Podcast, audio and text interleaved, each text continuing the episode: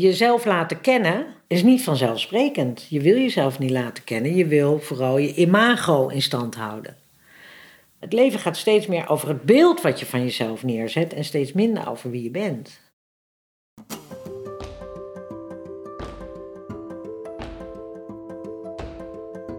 Leren wie je bent is cruciaal om jezelf te ontwikkelen. Dat geldt voor elk aspect van het leven. En dus ook voor je werk. Maar hoe doe je dat, jezelf leren kennen?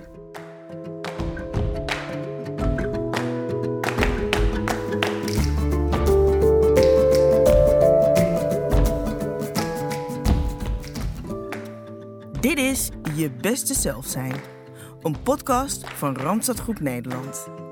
In deze podcast gaan we op zoek naar hoe je het beste uit jezelf naar boven haalt in je werk. Wat is daar precies voor nodig? En wat kun je zelf doen? Mijn naam is Pearl Steffens en ik ga op zoek naar antwoorden.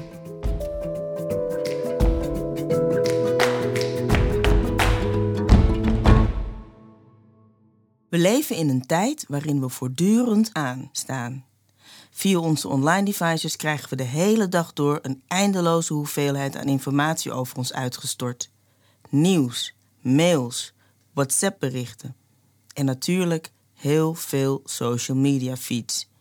Tja, dan blijft er weinig tijd over voor zelfreflectie. Maar is dat erg? Om antwoord hierop te vinden maken we een kleine omweg. Ja, nou, ik ben Suzanne.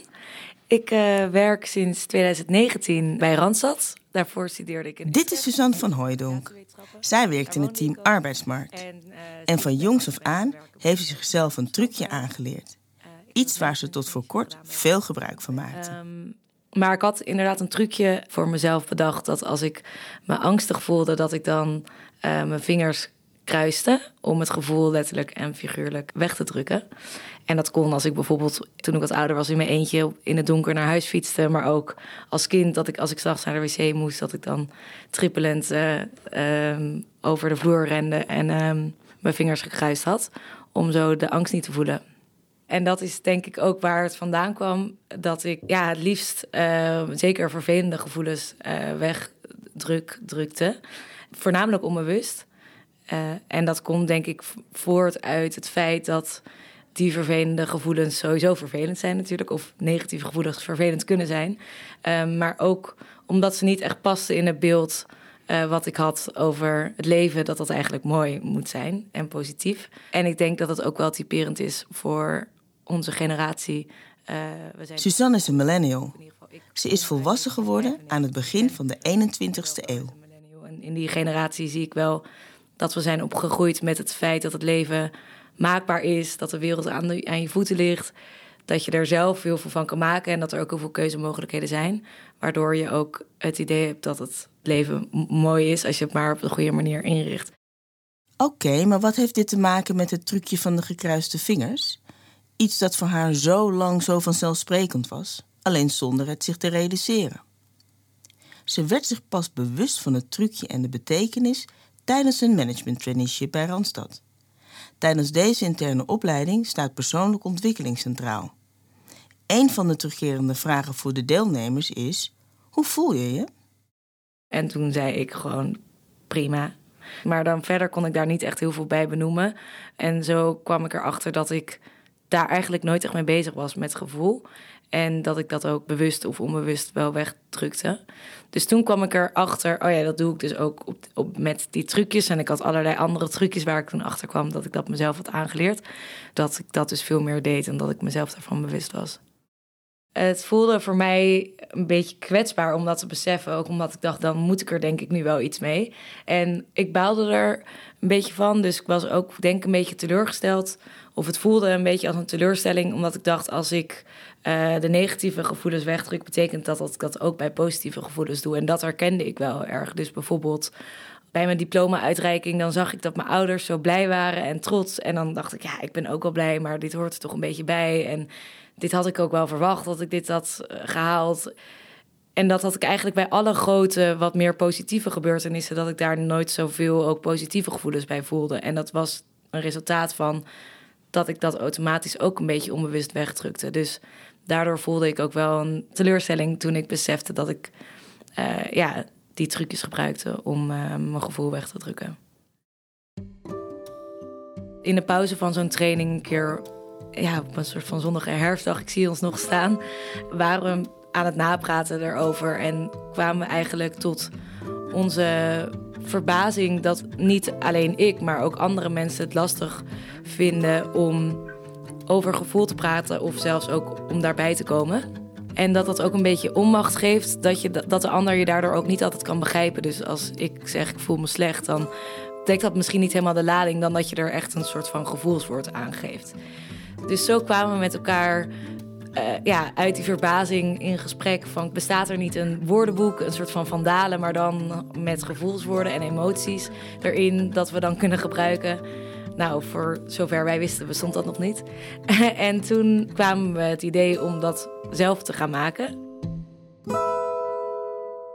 Uh, wat me opvalt is dat die jonge mensen weinig taal hebben om zich uit te drukken over wat er eigenlijk in hun innerlijk leven gebeurt. En als je er geen woorden voor hebt, dan is het er ook niet, want dan kun je het niet benoemen. Dit is Ingelien Veldkamp. Zij adviseert organisaties over de persoonlijke groei van hun werknemers. En ze begeleidt de management trainees waar Suzanne het over had. Ingelien doet dit werk al flinke tijd. Ze heeft dan ook meerdere generaties voorbij zien komen. Wat haar opvalt is dat zij steeds meer mensen ziet die hun gevoelens wegdrukken. Vooral jonge mensen. Waar komt dat vandaan? Zeker de laatste vijf jaar. Je ziet dat de druk op individueel niveau enorm is toegenomen. Dus de druk om maximaal te presteren, je moet maximaal alles uit jezelf halen. Er is weinig rust. Uh, weinig mogelijkheid om rustig te oefenen, te verkennen en zo te leren. Dus ik zeg elke keer, ze willen alsmaar iets zijn. ze, willen, ze willen de beste zijn of ze willen dit zijn of dat. Je kunt niet iets zijn als je niet de tijd neemt om ook iets te worden. Dus fouten maken of dingen onhandig doen of denken, nou ja, dit heb ik niet goed gedaan of ik heb een verkeerde keuze gemaakt, maar ja, eh, dat gebeurt soms in het leven, ik maak een andere keuze die, het voelt alsof die ruimte er bijna niet meer is.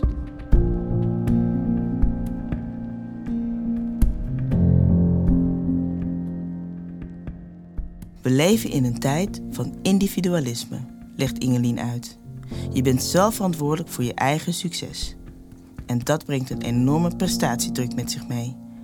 Via social media vergelijken we onszelf vervolgens voortdurend met anderen. En dan heb je natuurlijk al snel het idee dat iedereen om je heen een succesvoller leven leidt dan jijzelf.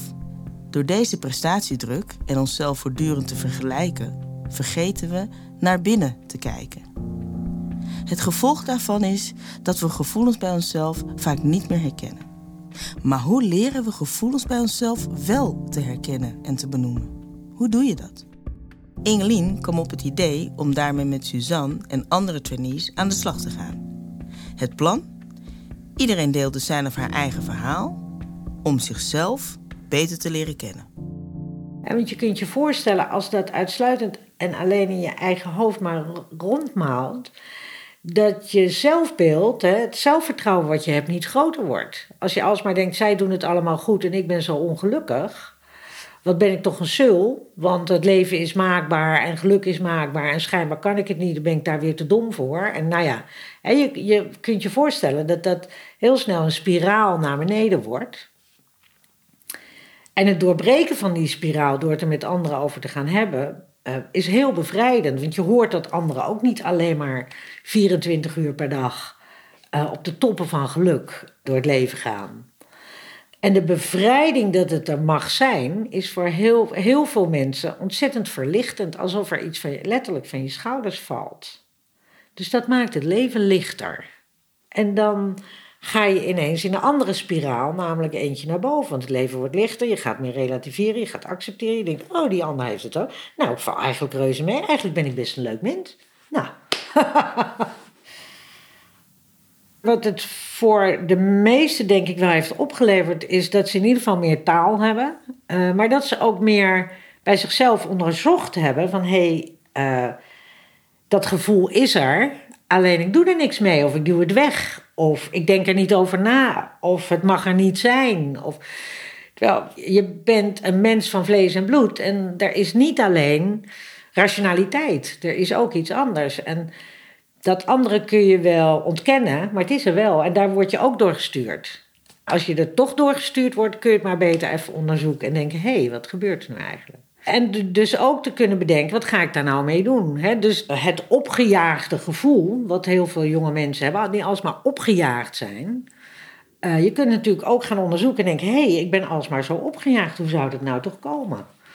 Hé, hey, laat ik eens een dag proberen niet elk kwartier op mijn telefoon te kijken. Om maar eens een voor de hand liggend, beetje obligaat voorbeeld, maar uh, kijken wat dat doet. Als je ontkent dat het opgejaagde gevoel er is, zul je er ook geen, geen initiatief nemen om daar iets mee te gaan doen. Dus het vraagt wel dat je het eerst bij jezelf erkent en herkent. En dan komt er nog iets bij. De eindeloze hoeveelheid keuzes die wij tegenwoordig kunnen maken over alles. Wij hebben elke keer het voorbeeld van de koffie. Toen ik jong was, dronk je gewoon koffie. Met melk en suiker, of alleen suiker of alleen melk. Maar dat was het ongeveer. En nu moet je havermelk of sojamelk of huppelde of nou, ik weet het niet eens. Dus het heeft de suggestie van nou, jullie leven toch in een fantastische tijd. Alles is mogelijk. En in de kern zit daar misschien ook wel waarheid in, maar het creëert een enorme machteloosheid. Want hoe weet je nou of je het goede kiest? En daar zit een impliciete norm dat je het niet fout mag doen. Want als je, dingen, als je verkeerde keuzes maakt, is dat echt jouw eigen schuld. Had je echt beter moeten opletten. Dus voordat ik kies, moet ik wel zeker weten dat ik de enige juiste keuze maak. Als je erkent van jezelf dat je je schuldig gaat voelen omdat je een verkeerde keuze hebt gemaakt, dan kun je het gaan onderzoeken. Je kan er pas iets mee doen en je kan het ook pas weggooien als je het eerst kan vastpakken. Als jij je voortdurend opgejaagd voelt omdat je denkt: ik moet een goede keuze maken, ik moet gelukkig worden, ik moet kwaliteit van leven hebben, en je erkent niet van jezelf, hé, hey, ik ben eigenlijk voortdurend opgejaagd, dan kun je ook niet gaan onderzoeken waar komt dat opgejaagde gevoel nou eigenlijk vandaan.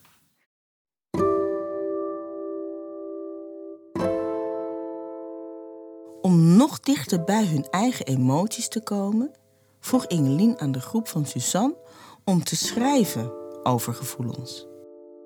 Ik denk dat schrijven, gek genoeg, wel een beginnetje is om over die drempel te komen. Omdat op het moment dat je het gaat schrijven, ga je het ook serieus nemen. Dan ga je tegen jezelf zeggen: je hoeft niet perfect te zijn. Want eigenlijk is niemand perfect. En dat schrijven is een beginnetje om het uit je eigen hoofd te halen. En op het moment dat het geschreven staat, dan kun je het lezen, kun je het weggooien, kun je het bekijken, je kan het uitgummen. Maar dan kun je er ineens veel meer mee doen dan wanneer het alleen maar in je eigen hoofd rondmaalt. Nou, we kregen de opdracht om maar gewoon een beetje te gaan schrijven over je eigen gevoel en emotie en, en je weg daar naartoe. En dat was dus eigenlijk het moment dat ik besefte: ja, ik, ik kom niet bij mijn gevoel, maar dat komt dus ook omdat ik allerlei uh, trucjes in de, in, het, in de jaren heb aangeleerd aan mezelf om daar ook helemaal niet bij te, te kunnen komen. Uh, door dus uh, die gekruiste vingers, maar ook allerlei andere trucjes waar ik toen achter kwam. Dus als schrijvende kwam ik daarachter en dat bracht ook wel gevoel bij mij los. En ik merkte dat erover schrijven voor mij heel erg hielp. maar ook dat door andermans verhalen te lezen mij ook weer inzicht opdeed uh, om mijn eigen verhaal verder af te schrijven. En ook weer het gesprek met anderen over te voeren. Dus bijvoorbeeld doordat ik me door het schrijven van dit verhaal bewust werd van die trucjes, leerde ik ook dat die trucjes je ook juist kunnen helpen om wel dichter bij je gevoel te komen. Dus waar ik trucjes had die ik heel erg op mezelf had gericht om het weg te drukken, kon ik ook die trucjes gebruiken om er juist wel bij te komen. Dus het heeft me ook wel weer iets, iets moois opgeleverd. Ingelien, Suzanne en de anderen hebben uiteindelijk al hun verhalen in een boek samengebracht. De titel luidt Is brak een gevoel? Voor Suzanne was het schrijven van haar eigen verhaal een doorbraak. Maar dat niet alleen. Ik had het allereerste exemplaar in mijn handen. En toen voelde ik echt onwijze trots en tranen van vreugde. En dat was voor mij ook het moment dat ik ineens bewust voelde. Dus dat was voor mij een heel bijzonder moment. Omdat ik er ook bewust van was: kijk, dit is dus hoe het voelt als je ergens trots op bent en ook de positieve emoties toelaat.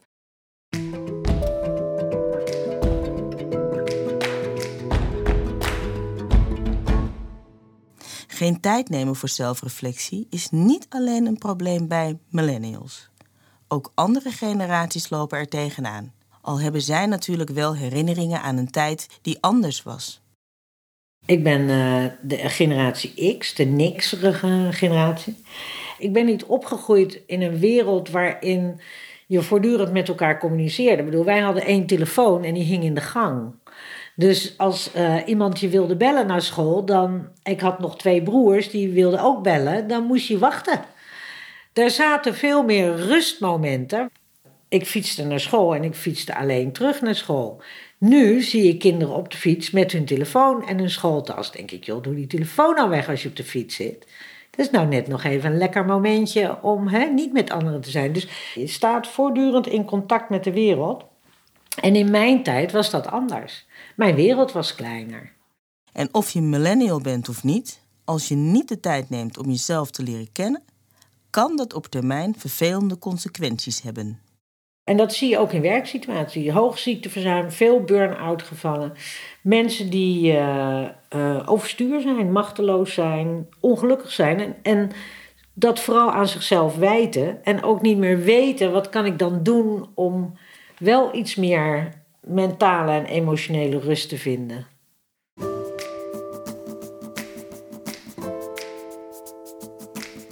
Ik ben Ansgar Dokkum, eh, verantwoordelijk voor HR eh, bij de Randstad Groep.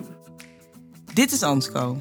Hij is 53 jaar en is van de generatie tussen Suzanne en Ingelien. Maar als je in uh, generaties denkt, de millennials staan altijd aan. Nou, ik sta ook altijd aan. Vanaf uh, de, mijn jeugd sta ik al in, zeg maar, in die energiestand. Het knopje aan. ben heel uh, actief, daadkrachtig. Bij mij stroomt het glas altijd bijna over. Dus ook wel redelijk positief. Ja, dat zou meteen mijn valkuil wel zijn. Vanuit mijn enorme dosis energie, enthousiasme en gewoon aanpakken, altijd aanstaan. Mijn valkuil is dat ik het, het uitknopje niet vind of niet gebruik. Dat komt vaker voor. Dat je grootste kracht ook je grootste valkuil is. Omdat je iets met plezier doet, weet je eigenlijk niet wanneer het te veel wordt. En dus ook niet wanneer je moet stoppen.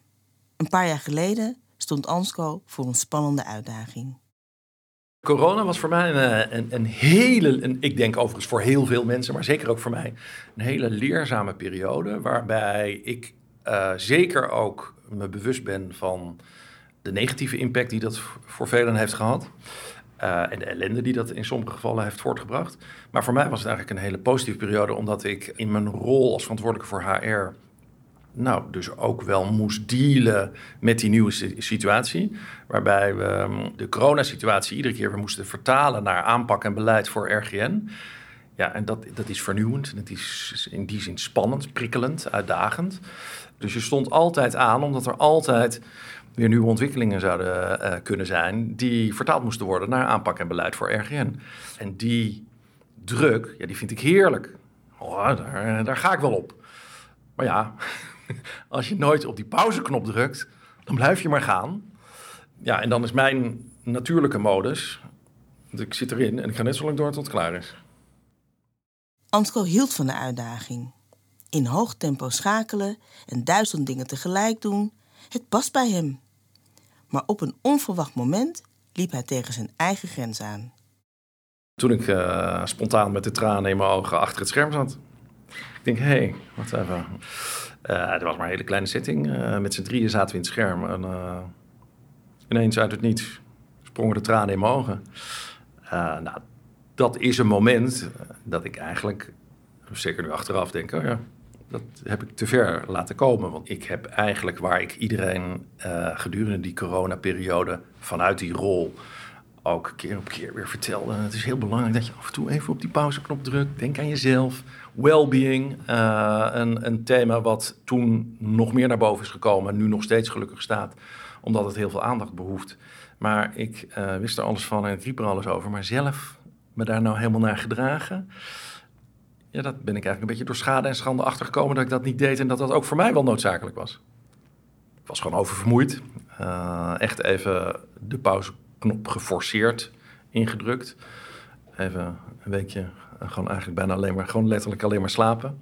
Bijkomen, bijtanken. En, en vervolgens de week daarna ook wel goed nadenken en, en stilstaan bij wat is er nu eigenlijk gebeurd?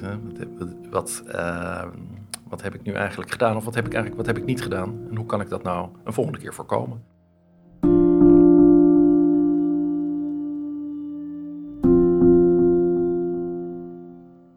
Een volledige burn-out te voorkomen, nam Ansco dus rust. Het was tijd voor een flinke dosis zelfreflectie. Eigenlijk in eerste instantie dus een beetje geforceerd momenten van rust slash reflectie inbouwen. Om even te reflecteren en te kijken wat ben ik nou zelf eigenlijk aan het doen. En gaat dat goed? Voel ik me daar lekker bij? Ik start iedere dag gewoon buiten. En dan ga ik met die honden een stuk lopen. Sterker, de kat hobbelt ook nog mee.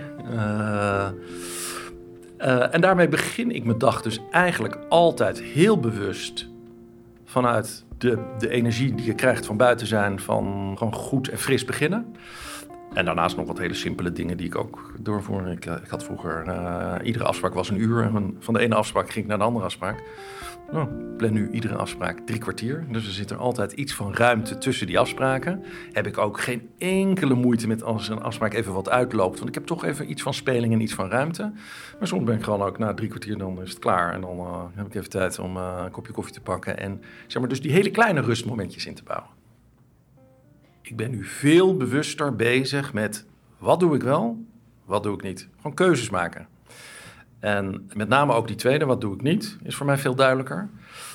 En als ik ergens voor kies, dan is het prima om lekker mezelf te zijn en daar volledig voor te gaan en er ook het beste uit te halen en het gewoon goed te doen. Dus de dingen die ik doe, doe ik goed. En er zijn een aantal dingen die doe ik heel bewust dus niet meer. Dus hoe kan Ansco vanuit zijn functie en met deze ervaring anderen verder helpen? We leven nu in een tijd waarin het nog vele malen sneller gaat dan de generaties daarvoor. De jongere collega's uit die generatie I of die millennials, die zijn daarin opgegroeid. Die staan altijd aan, die willen, die willen presteren, die vergelijken met anderen. Dus die zijn best wel geneigd om zichzelf voorbij te lopen in dat eeuwige streven naar beter, meer en een bepaalde voldoening daaruit halen. Dat is generatiebreed zeker zo. Maar het risico zit erin dat we naar die generatie kijken en niet meer naar de individu. Mij gaat het erom, we moeten altijd kijken naar het individu in de setting, in de context van die generatie. En per individu moeten we uh, daar op een hele passende, uh, zorgvuldige wijze mee omgaan. En wij moeten, uh, vind ik dat dus als organisatie, eigenlijk een setting creëren waarin individu, iedere collega voelt en weet dat het heel erg oké is om daar het gesprek over aan te gaan, het gesprek over te voeren en dat kenbaar te maken. Omdat we samen kunnen kijken hoe daarmee om te gaan en hoe dat eventueel uh, te verbeteren. De kunst zit er maar alleen in dat je goed naar jezelf kijkt, dat je ook goed naar jezelf durft te kijken en van daaruit de keuzes maakt die voor jou goed zijn. En dat kunnen hele andere keuzes zijn dan voor de ander. Dus het, uiteindelijk is het gewoon ook heel persoonlijk. En, en waar het om gaat is het lef hebben om naar jezelf te kijken.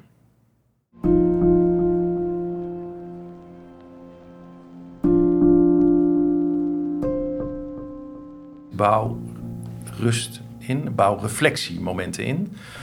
Uh, aan de ene kant. En aan de andere kant, als je dat doet, ga vervolgens ook heel goed stilstaan bij wat doe ik wel, wat doe ik niet. En maak daar ook bewuste keuzes. Dus het zit hem in rust, reflectie 1 en 2, keuzes maken. Soms best lastig. Heel veel dingen zijn hartstikke leuk. Maar als je alles wat leuk is gaat doen, dan maak je jezelf gek. En ook vanuit iets heel positiefs kan toch uiteindelijk een burn-out komen. Of, of, of oververmoeidheid of wat dan ook. Maar keuzes. En doe de dingen die je wil doen, doe die goed.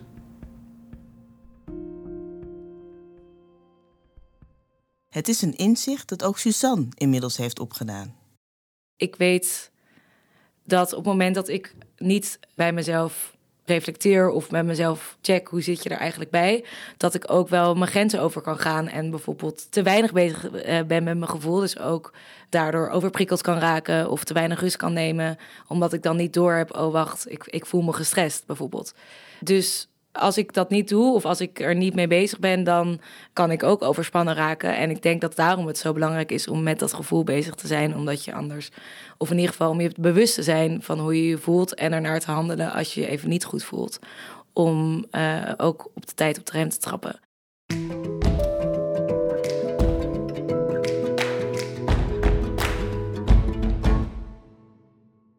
Jezelf leren kennen. Dat is de eerste stap. Stap 2. Niet bang zijn om jezelf ook echt te laten zien. Inclusief de tekortkomingen die ieder mens nu eenmaal heeft. Jezelf laten kennen is niet vanzelfsprekend. Je wil jezelf niet laten kennen. Je wil vooral je imago in stand houden. Het leven gaat steeds meer over het beeld wat je van jezelf neerzet en steeds minder over wie je bent. Je raakt jezelf kwijt.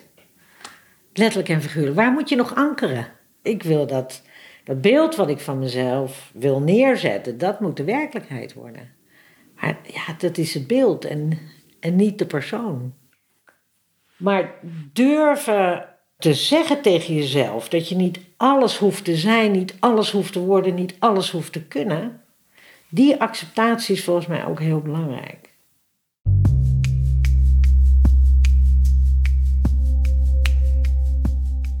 Voor mezelf voel ik meer rust. En die rust komt voort uit dat ik, omdat ik ook die gevoelens wegdrukte, was ik ook niet meer van bewust wat daar allemaal onder zat. Dus het voelde als een soort van beerput waar ik maar gevoel in, in stopte. En ik was als de dood als ik dat open zou trekken, dat er allemaal enge dingen uitkwamen. En dat gaf ook onrust of, of een beetje angst. En ik ben die langzaam op mijn tempo open gaan doen. En toen zag ik dat het eigenlijk wel meeviel wat er allemaal in zat. Daardoor voel ik me wel rustiger en ehm, weet ik dat het niet eng is om uh, je kwetsbaar op te stellen of je gevoel toe te laten. Een deel van jezelf leren kennen heeft ook te maken met hoe je naar je werk kijkt. Hoe ga je om met het feit dat het leven niet altijd perfect is? En dat er ook periodes zijn waarin je niet gelukkig bent. Wat ik in, uh, in de werkomgeving zie, is dat mensen veel eisend zijn over een werkomgeving. En bijvoorbeeld snel zeggen: Ik vind het werk niet leuk. Of ik vind delen van het werk niet leuk. Of ik voel me onvoldoende uitgedaagd.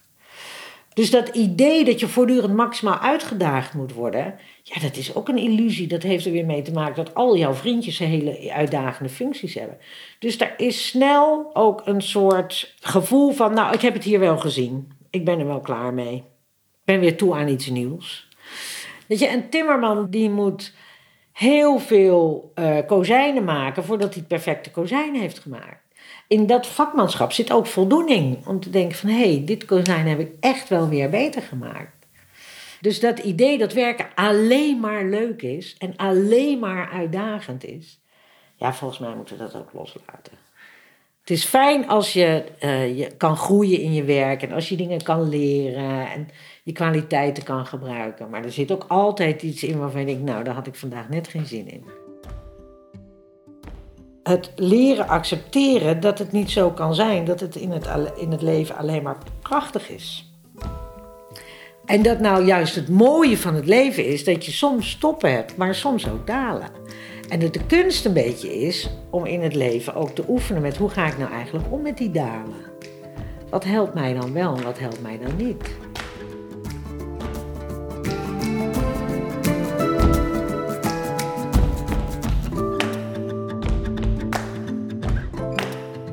Dit was Je Beste Zelf Zijn, een podcast van de Randstad Groep Nederland. Wil je geen aflevering missen? Zorg dan dat je je abonneert in je podcast-app. Ik ben Pearl Steffens. Dank voor het luisteren